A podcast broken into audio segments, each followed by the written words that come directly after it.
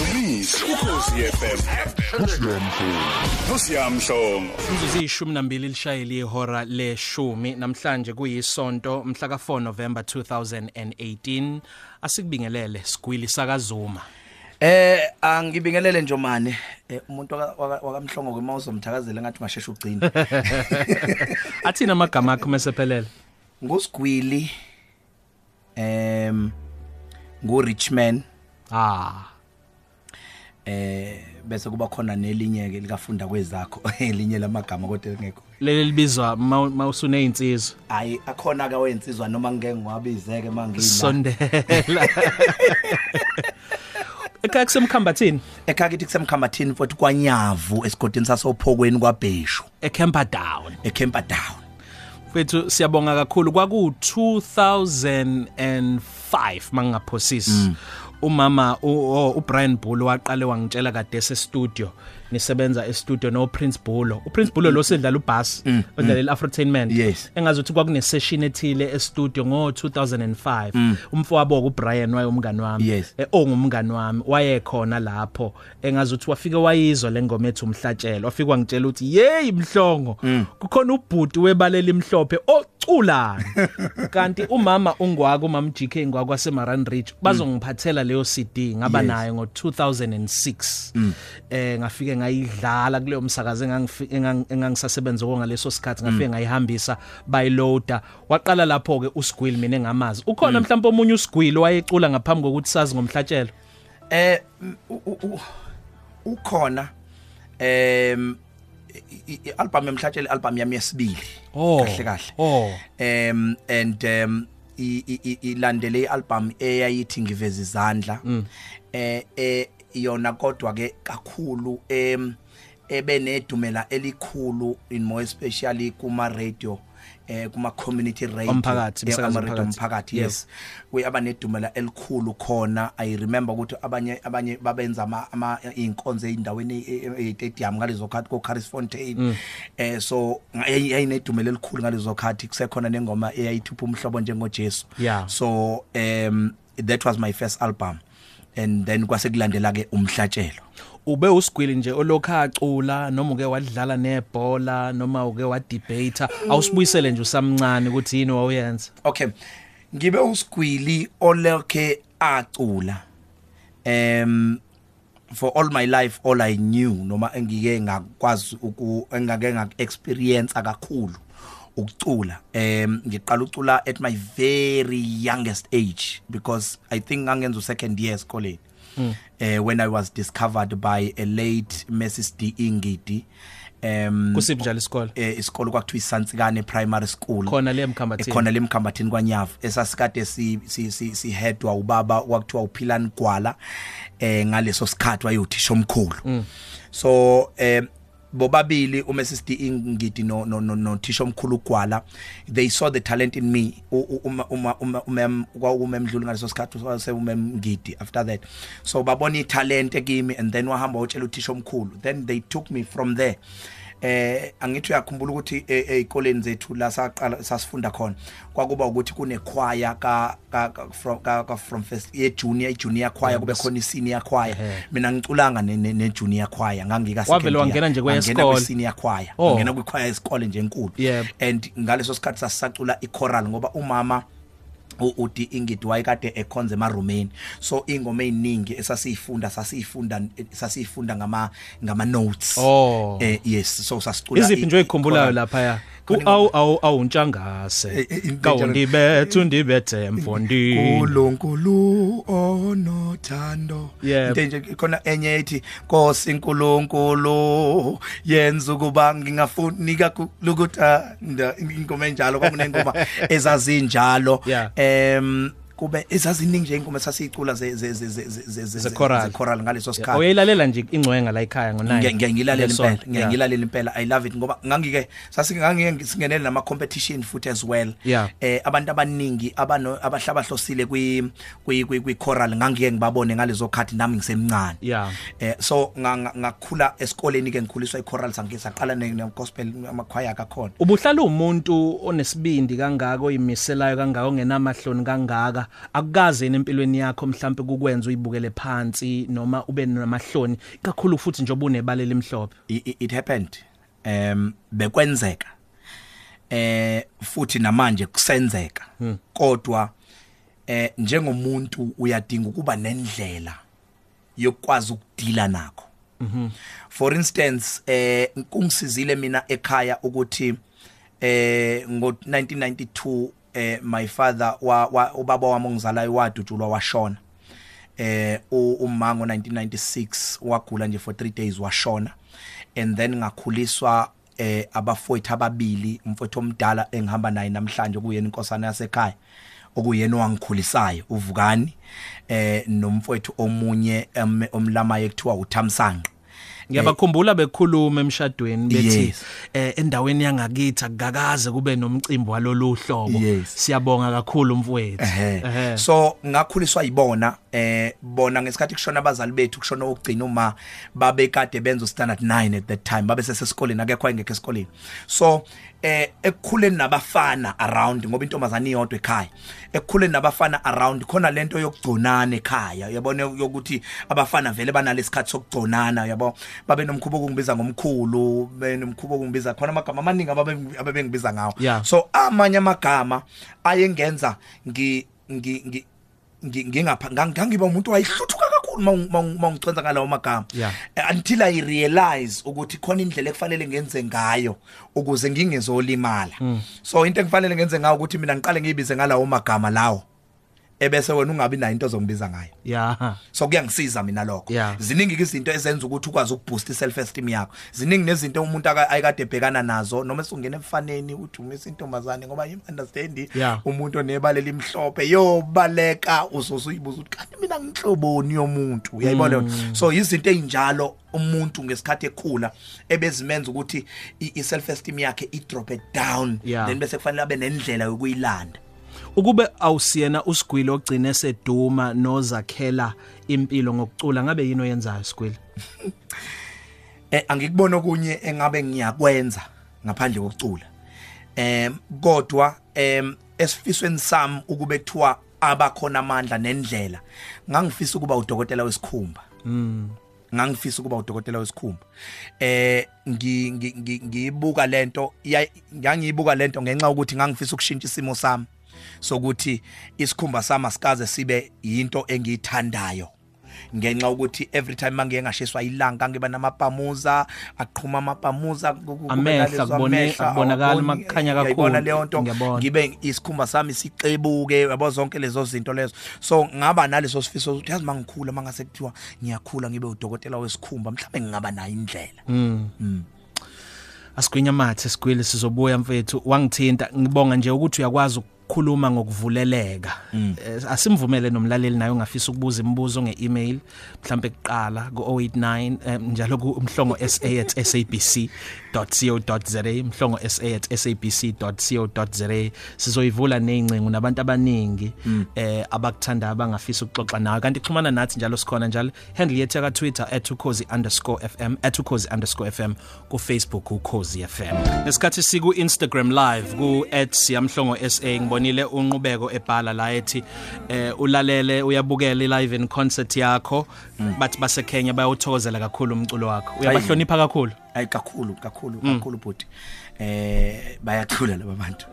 And the music wabo is u- u- bayakwazi ukurepresent umusic wabo noku i-presentation yabo is very good. Ya kade sixoxa lana ukuthi yize udume ngosigwili we traditional gospel kodwa futhi uyakwazi ukungena la kwi contemporary ne- ne- ne- neziqi eh ezahlukahlukene Ezahlukahlukene, ze gospel. yes. angeke umuntu azakuvalela ekhoneni. Into engisi- into yangisiza mina ukuthi ang- angiqalanga ngokucula igospel kuphela. Kahle kahle. Oh. ngisizwe ilento yokuqala kwechoral ngasuka kwichoral ngithe mangiphuma kwichoral ngacula neband yangasekhaya okwakuthiwa iBP band.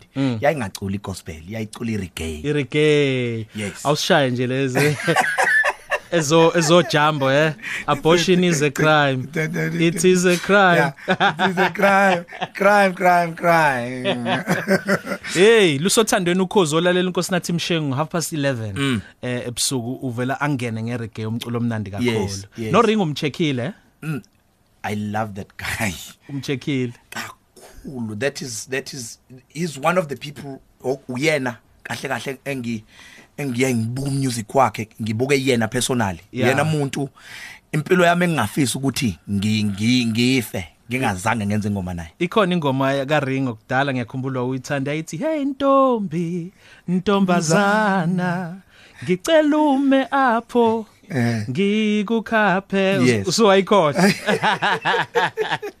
obani abanye mfethu ubukele kubona ongathi uyawuthanda umculo wabo. Eh mfethu um one of the things ezingisizile mina ukuthi angibukelanga kuphela kubantu em ba be, gospel.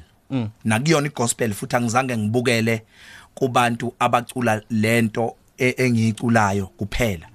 Mina ngiyawuthanda umculo wamabandla ehlukahlukene ngokuhlukahlukana kwawo. Yeah kulezi insuku nje kulezi insuku ngiinspire ngizokutshela iqiniso eh, njomani ngiinspire umculo wa- wa- wakwaShembe. Yebo.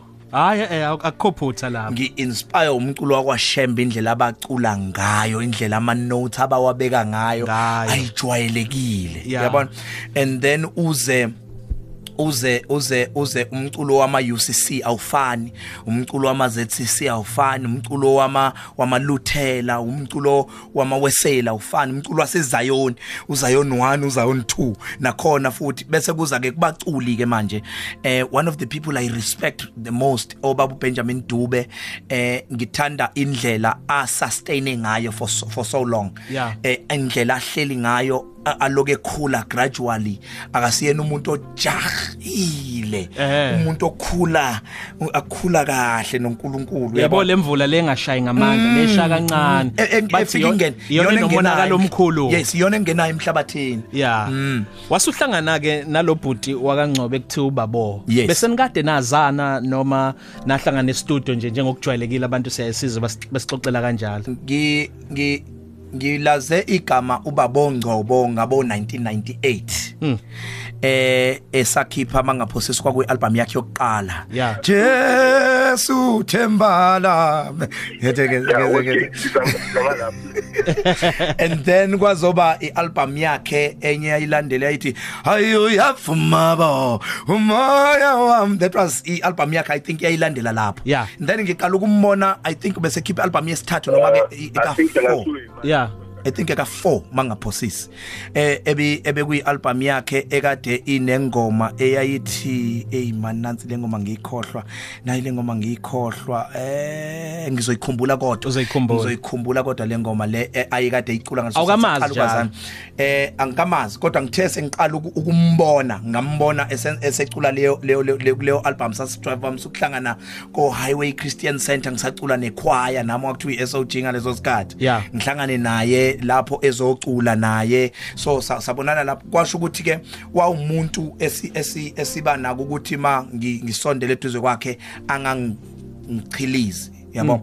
So then ayike saqala ke saba naleyo then ngithemba se ngithema ngizongena e- e- ngithola ideal ye, ye, ye recording ngangena ecompany abekade ephuma kuyona. Yebo. Yes ngangena ecompany ade ephuma kuyona wakuthiwa i, i, tri- i triple SG ngaleso sikhathi eyayiphethwe ubaba uThemba Mpanza ngaleso sikhathi. Ngangena mthema ngingena yena ubekade eqeda kuphuma kuleyo kuleyo nkampani. Then ngangena mina for my first album.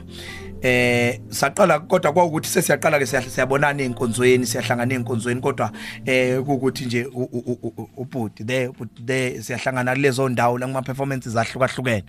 And then ke up until em sihlangane eh kube ukuthi eh sesihlangane studio ke manje la sesiqala uku- uku- ukusondelana Omunye nomunye ezozenzela okwakhe. ezozenzela into zakhe Yaqhamuka phi leli lelisu lokuthi hlanganani nibe yikhethela. I- iqala ukuhlangana ngesikhathi eh ngenze album yami yesibili umhlatshelo Yeah. phela umhlatshelo ubhalo ubabo angithi Yeah. so iqale ngaleso sikhathi ngesikhathi ngimcela bhuti ngiyacela ngicela uzongibhalela eh, ingoma because bengilwazi beng- beng- Umhlatshelo vele ubhalo uyena. balo babo. yena ubaba Hayi bo. yes so eh wabhala i think he wrote about four songs in my album eh saqala kanjalo kwakhona futhi ingoma eng- eng- eng- eng- ingoma engimfeature kuyona eh eyayithi wangithatha wangibeka endaweni efanele mina. Ngamfeature kuyona leyo ngoma futhi nenye ingoma yayithi usizo lwami luvela phina Oh luvela ezulwini. That was another song engangimfeature uyayikhumbula lezo ikhathi mapholoba? Hey ngingenzani manje? Ngenzani ngenzani manje madoda? Yeso sefeni ngiva ngiyakhala hey makhwini kulana buti ku right? Hayi mfethu ngabe usuzwile? Nga, no, ngicela urathi ngicela ufuna izinja. Ngiyeza vele ngizwane ngiyeza vele ngizolanda injami lapho. Unjani baba siya siyaphila siyaphila mapholoba njanini siyaphila nje manje ngisize mhlambe ngenzeka ungifake ku loudspeaker ngicela ngicela ungi- ungikhiphe kuwona ngoba khona Yes, umsinjwana obuyayo. Kodwa ngikhipha ngabe ngikhoza right manje nazonke kuzwakala kahle mfowethu. Siyabingelela mapholoba sibonge ngokuthi isikhathi Jamani. sakho. Yebo ngiyabonga ngiyabonga baba. Ngiyabingelela nje manje ngiphinde ngibingelele nomfowethu Zuma. Ngisho nothi ngiphinde ngibingelele nabo bonke abalaleli isibokozi FM umsakazo wethu uthandayo South Africa. Ngaqala ukunibona senisebenza ndawonye nifike ebandleni lika mfundisi uZondi Soul Renaissance ngithi kwako 2008 2009 lapho nje. Eh, kwathi kwathi 2009. ngelinye ilanga ngiphethe uhlelo komunye umcimbi owawuse Marisburg kwathiwa hey abacula abalindelekile ngazuthi abasele ba- basebhanoyini ima besazosuka Yep. egoli abantu bakhokhile kulindeleke ukuthi kube khona into ezokwenzeka stage ngalihlaba ucingo ngalihlaba kuwena amapholoba ngathi nikuphi ningakwazi yini ukufika? Ngaleso ngaleso sikhathi abantu babengakanazi nicula ndawonye. Awukusithatha usibeke Ngiyakhumbula, kulezo ikhathi mapholoba. Yo. Ah. As- asiye ku Twitter khona babhalile. Umbulelo the poet Duma uthi hey njomani ngicela ukubuza ukuthi ingabe usigwili baba babangani babangani benobabo ngoba nasemzimkhulu. Oh babangani ngoba nasemzimkhulu abaperformanga ndawonye. Cha bophela wembulela into enga- engachazwa ngisho nayi mina leyo mthombeni. Eh angithi phela vele iqembu leli ikhethelo basathe khumo. Hayi ukuthi abacilwanga ndawonye ngoba kukhona bakubangile. Nginamanga? Njalo nje. Nginamanga mapholo eh babo? Usephinde wasinqamukela futhi. Eh sidlule kuleyo ndawo? Ya ah, mhlawumbe sobe sibuyele kuyona. Sibe sibuyele? Oh Yeah. ufuna ufuna singene kuyona mayisekhona no babo yes. I know ku ayikho inkinga kulokho. Angiqhubeke no Twitter eh unkuleso khela uthi ngicela ukubuza kusigwili ngesikhathi eqala ukucula ubengasabi yini ukwenza into ezomdonsela amehlo abantu ngenxa yokuzinyeza ngebala lakhe.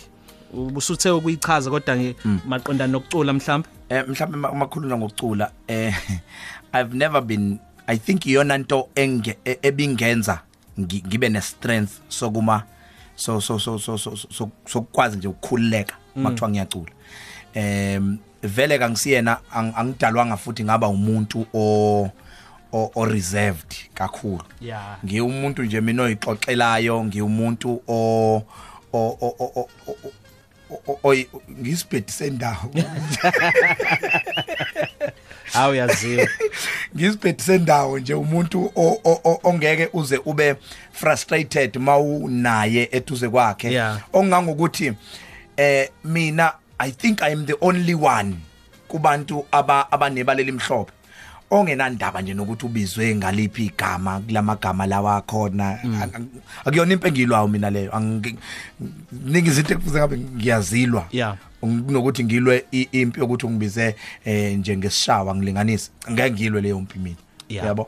Nangu sebeduma omunye futhi umthombeni uthi ngaze nga- ngayithokozela i-live in concert sibonge siyanga ukusilethela usigwili uyacula Jo eh siyabonga kakhulu lapho. Umbuzo eh, wazi wacula kahle usigwili ngicela ukubuza ukuthi wasizakala kanjani ngesikhathi ekhipha i-album yokuqala? Mm, okay. Ukusizakala kwani lokho mhlambe kokuthi idlalo yadlalo emsazweni yadlalwa e- e- kwe- kweminye emsakazo yes. Yadlalwa kweminye ems- emsakazo ikuphi ingcindezi msholozi mfethu yokuthi ukhiphile usebenze kanzima futhi uyaziza ukuthi yabona ke la ngi- nginogcobo? Kodwa kuvele kuthuleke nje. Uba sathe ukhiphe yesibili kuthuleke nje. Uthi mhlawumbe kweyesithathu kuvele kube khona ozothi ngeyakhe yokuqala. Avele asimame avelele. Wena uyaqhubeka la unyuka idebhisi kodwa ngazi uthi awenzi lutho.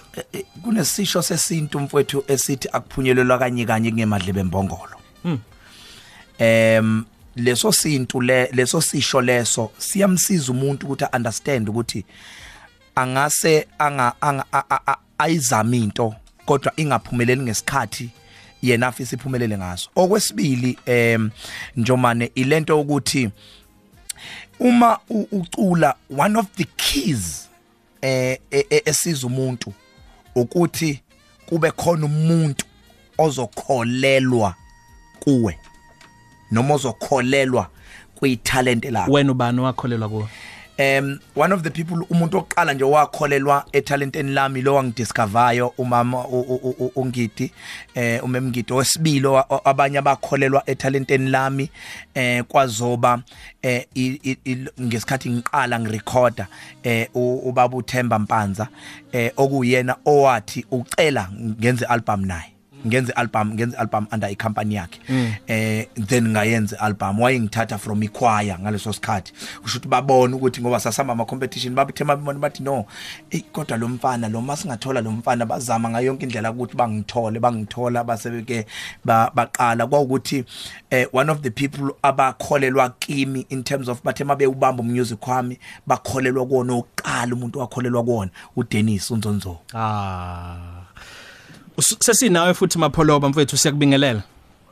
Baba nginilalele nazo ke ku right asivele siyeke leyo ukuthi kwenzakalani ngoba futhi ngesikhathi ukhona babo sayixoxa leyo samfonela usigwili sayikhuluma indaba yokuthi uNkulunkulu uyalenza icebo ngokuthi abantu kade bebabili baphinde futhi bahlukane kwazi ba mhlawumbe baphinde babe ndawonye. Asiyeke leyo. Eh, ikakhulukazi ngoba uNkulunkulu unibusisile nenza kahle nobabili futhi eh, emculweni Yebo. wenu uyayibona leyo ndaba. Ngifuna ukubuyela mina e studio mhla eh, nizoqopha isingle yokuqala. Eyayithi eh yayithi yayithi umhlatshelo hayi umhlatshelo. ethi ku Ithi nginguThixo. yakhetha- nginguthixo nginguthixo kwakwenzakaleni ibhalwe ubani yini yakwenza ukuthi hayi uvume ukuthi hayi asiyenze nosigwili le. Futhi ngaphezulu kwalokho asivele sibe yilo leli ikhethelo. Hey akuqalanga thina sayiplana lento lento yaplanwa isimo sayo nje noNkulunkulu ngoba eh, ngakhumbula ukuthi phakathi nokuphosa sesigwili. Kukhona udadewethu ah, owayecula kakhulu eh waba ngugula ixeshanyana esincane wase ehamba emhlabeni. Bathokela ukuthi ngelungu ebesisebenza nalo kumele masenze indlela yokumfihla. Sihamba ke samfihla isekhona ama-album kodwa ukuthi ayingakakhishwa. Eh uma sifika lapha eh ngavela ngakhetha ukuthi no ngoba isikhathi asisazi mawufika ku funeral fanele uyithembe ngesikhathi ukuthi sokucula amalokhuzana wethu. Ngavela ngathi asenze i-duet senze ingoma eyodwa sobabili Yeah. afike sacula sobabili eh lapho masiqeda ukucula sobabili ngiyakhumbula naye usiguli uzomkhumbula umfundisi eh we- weMaranatha eh eh lokhu eh ubaba u- u- u- u- u- ubaba umdletshe eMaranatha kwakwamash yebo Yes, faith machine yes. faith machine Yeah. wathi waphuma nathi ngoba uyayiphethe umncwabo waphuma nathi ngaphandle wayesethi no bafana bami ngiyacela manithola isikhathi ke niye studio nobabili. Kukhona into engiyibonayo umhlaba uyilendile uyakhumbula sikhweni yeah ngikhumbula kahle ngikhumbula kahle. Yes ngisathi ngabe ayi siphatheke kabi silahlekene ngabe la ingeke. Asivele siyenze lento eshoba kumdletshe sayenza. Uma siyenza yavele yamukela umhlaba ngezandla ez- ez- ezifudumele. Yamukelwa umhlaba nge- ngezandla ezifudumele eziphi nje izinto sigwili mfowethu eh, ozikhumbulayo ngoba boma nisebenza ndawonye nihambile nikhathele kade nisebenza? Komunye umcimbi kwi6 to 6 ethile ngale kokuthi uyathanda ukuvala ucinga duke. Eziphi izinto oyikhumbulayo nje uthi hey kodwa umfowethu la wangifundisa.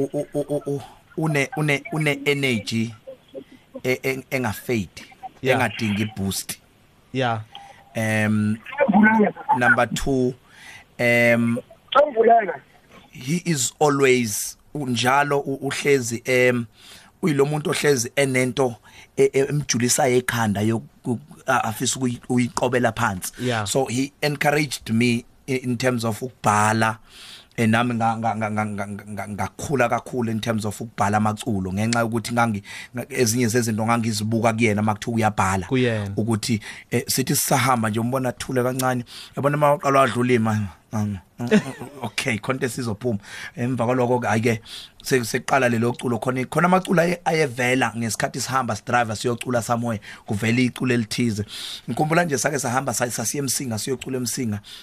Athula uthe jika wayethi wayethi wayethi wayethi ikhona ingoma yayithi thumelula zaro ezeneconsi lamanzi ngiyasha ngishiswa izono zami. Ithi i- i- leyo ngoma yayi yayi- yayi yayi- sasicula eh sicula sisen sisendleleni nje just walking waqala nje icula sahaming so sase si sase sinalento ukuthi uyabona maye kwaqhamuka ne makuye kwaqhamuka into noma ngaqhamuka nento ethize useyazi yona ukuthi ijikapi yeah eh nami futhi maye kwaqhamuka nento ethize sengiyazi ukuthi ejikapi Yeah. mayike washa into ethize eh uma ngibona ukuthi eh kwesisikhathi kwakwekuvela iculo e stage makuvela iculo e stage uthola ukuthi mhlasimbe mayivela imessage mhlambe kube khona imessage eseBhayibhelini e- engenayo. Eqhamukayo mhlawumbe uthola ukuthi anginayo ishow nayo uneshow ngayo. Usezwile ukuthi ngifuna ukukhuluma uk- uk- ukucula ngayo. Avela ngibackup lapho ukuze yabona nami ngokunjalo yabo? Yeah. so eh ku- kube kanjalo ku- ku- kube kanjalo. Sasinale sasinale nto ukuthi si i- i- in terms of writing in terms Yeah. of singing i- i- i- i- kwakunaleyo nto. Awukakhali babo. Ngiyazi uyashesha ukuzwela. Ah, ngilalela ngiyajabula. ngifuna ukukudedela ngifuna ukukudedela mfethu ngiyazi uyasebenza la ukhona kodwa nawe ngikubuza umbuzo ofanayo ukuthi iyiphi nje into ongayikhumbula ehlalayo kuwena ngosigwili nje ukuthi nanga mfowethu nayi into engiyikhumbulayo ngaye uma sindawonye sihambile sicula siseyinkonzweni njalo njalo I-connection Yeah. eh esesinayo stage. Yeah. Eh, i- i- i-connection esesinayo stage ayimangaza abantu every time. Eh uma ngabe singena stage abantu babelindela eh message eh esasiyishare umuntu engacabanga ukuthi eh, ubaba uyabhala but mina ukuze ngibhale isipelage sokuthi ngibhale nom- nom- nomfutho ukuthi ngibhale. Ngase ngangwenza ukuthi sithi i- i- i- i- ingqondo yami nekasigwili yaconnecta babe bona abantu engathi kuwumlingi into sasingareheze kona ukhohlo kufutshana usigwili sasingareheze thina sasureheze endleleni because kunale connection yayikhona connection yayikhona phakathi kwethu Yeah. uma ngabe ngizobhala ngangazi ukuthi ngizobhala uhafi and then ingoma izophelela estage yeah so akufanele siyihle ngiyigodle i-credit kasigwili ukuthi nga- mina owayi-songwriter no ngangibhala kune mina ngilethe i- i- i-melody ngilethe i-message bese yayiqedelana because into esasikuthazana ngayo kakhulu sasishare kakhulu ngebhayibheli sisishare kakhulu ngelikhuzana nge-script ngoba into eya- eya- eyayisenza ukuthi sikwazi ukuqokophela ukuthi sasiqale siyikhulume uyazi ukuthi sasike kushube sihambe emotweni sixoxa nje sixoxa sixoxa sikhuluma ngebhayibheli sikhuluma nge- nge- nge- nge- nge- ngelikhuzana ngama-script so- siwashere ajike abe yingoma amasika lapho okunye-ke oku- okubalulekile nokwenza um mhla ngiqala ukusebenza nosigwili ngase ngisebenze iminyaka ewu-five ngedwa. Mhla ngiqala ukusebenza nosigwili kwenze umehluko omkhulu empilweni yami. Yilokho okwenza ukuthi lamanje isigwili angaphumi enhlizweni yami nasenkondweni yami ukuthi unkulunkulu ngiyambonga ngayo ngiyahlala ngimbonga because namanje ngisawubabo because ngaqala ngayikhetha ngaqala ngawubabo ngasuka ngayikhethelo. Um mase siyikhethelo sesifuna sobabili ngathola leya recognition enkulu unkulunkulu wayehlisa. Abantu basithanda kakhulu ngengisabhilive ukuthi abantu basasithanda kakhulu. U- usigwili ufuna ukukuvalelisa ke ngokucula lengoma ngoba mina ngikuthi Thixo oh nomona ngawe. Ngoba mina mina ngikuthixo Thixo oh nomona ngawe. First verse ngena sigwili. Ungabe nabanye othixo Thixo phandle kwami ungazenzela izithombe zibaziwe. namfanekiso kuphezulu ezulu hayi awuqulusheshe phela hayi awusheshisa hayi okusemhlabeni nangaphansi komhlaba. Wasu- wasuyangena uNkulunkulu uNkulunkulu wakhuluma wonke lamazwi wathi ngingujehova unkulunkulu wakho.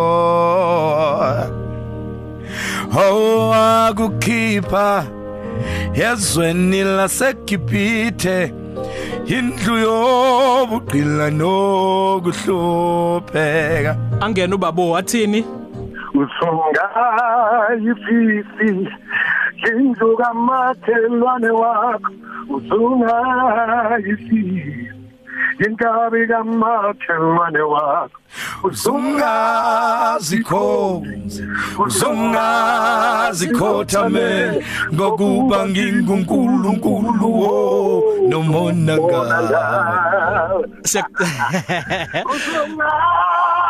Siyak- uzungazikhothame ngokuba ngingunkulunkulu.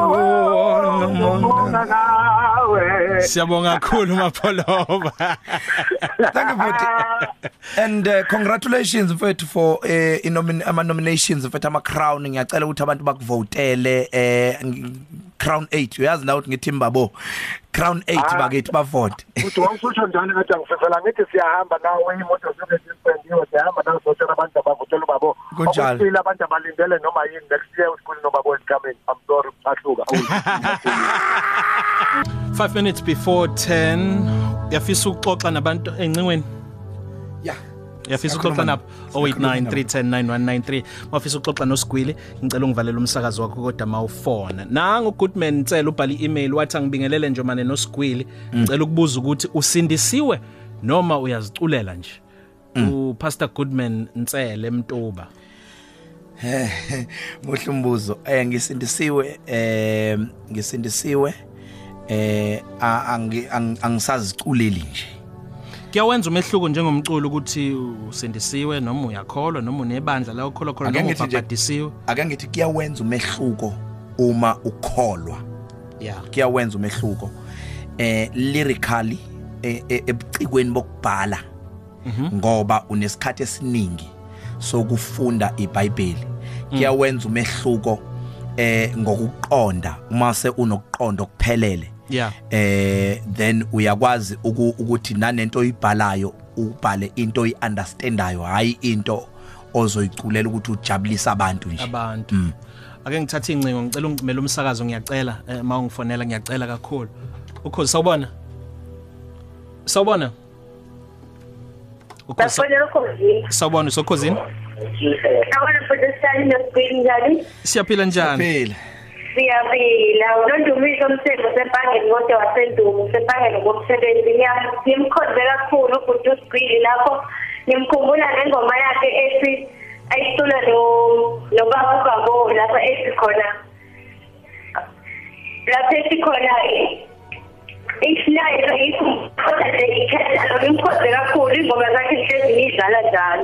siyabonga. siyabonga kakhulu siye komunye usokhozini sawubona Ameni. awu Hallelujah. hlekelele Hey, ayibonga.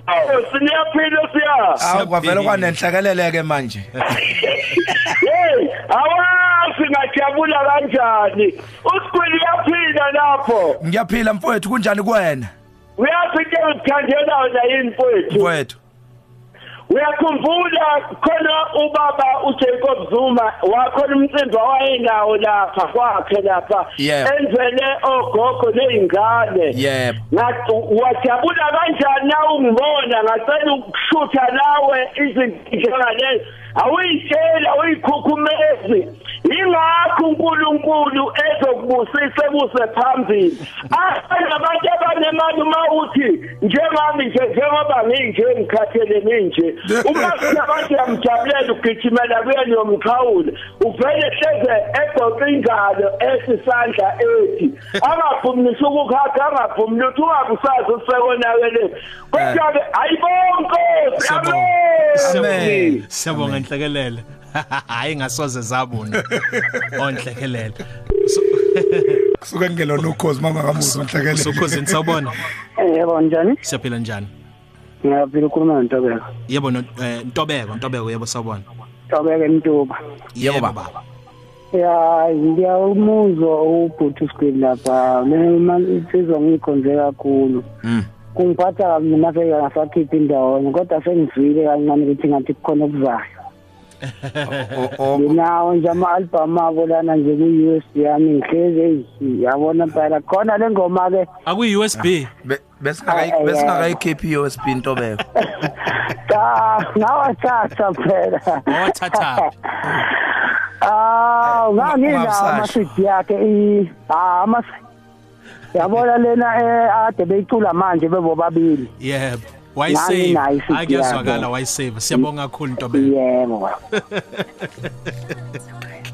Hey madoda nginawo kwi-USB kulungile sinomzuzu owodwa ngaphambi kokuba kungena indaba mhlawumbe ngifunde ku-Twitter uSigwili sisahleli naye. Ufiso ndaba uthi ngicela ukubuza kuSigwili ukuthi usengabuyela yini nobabo awu. Ehini nkosi yami. Yesu. Eh umboneni Patrick Nxele uthi kodwa lento enhle kangaka eh singiphinde singaphinde siyibone ikhethelo. Nangu futhi omunye. Talent zonde mlazi uthi mm angisakwazi ukulinda unyaka ozayo ngicela uc- ubucabanga lo esophendula emva kweindaba mfethu.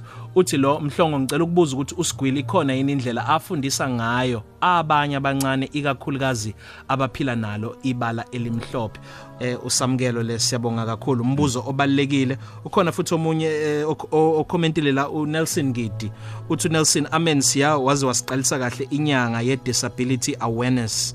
Ngosigwili bengingazi ukuthi i disability awareness month lena yeah. siyabonga kakhulu ke kodwa eh all uzosoke things works sixoxe together for the good. Kulabo abamthandayo uNkulunkulu ababiziwe ngokwecebo lakhe. Ukhosi FM. Nosiamhlongo.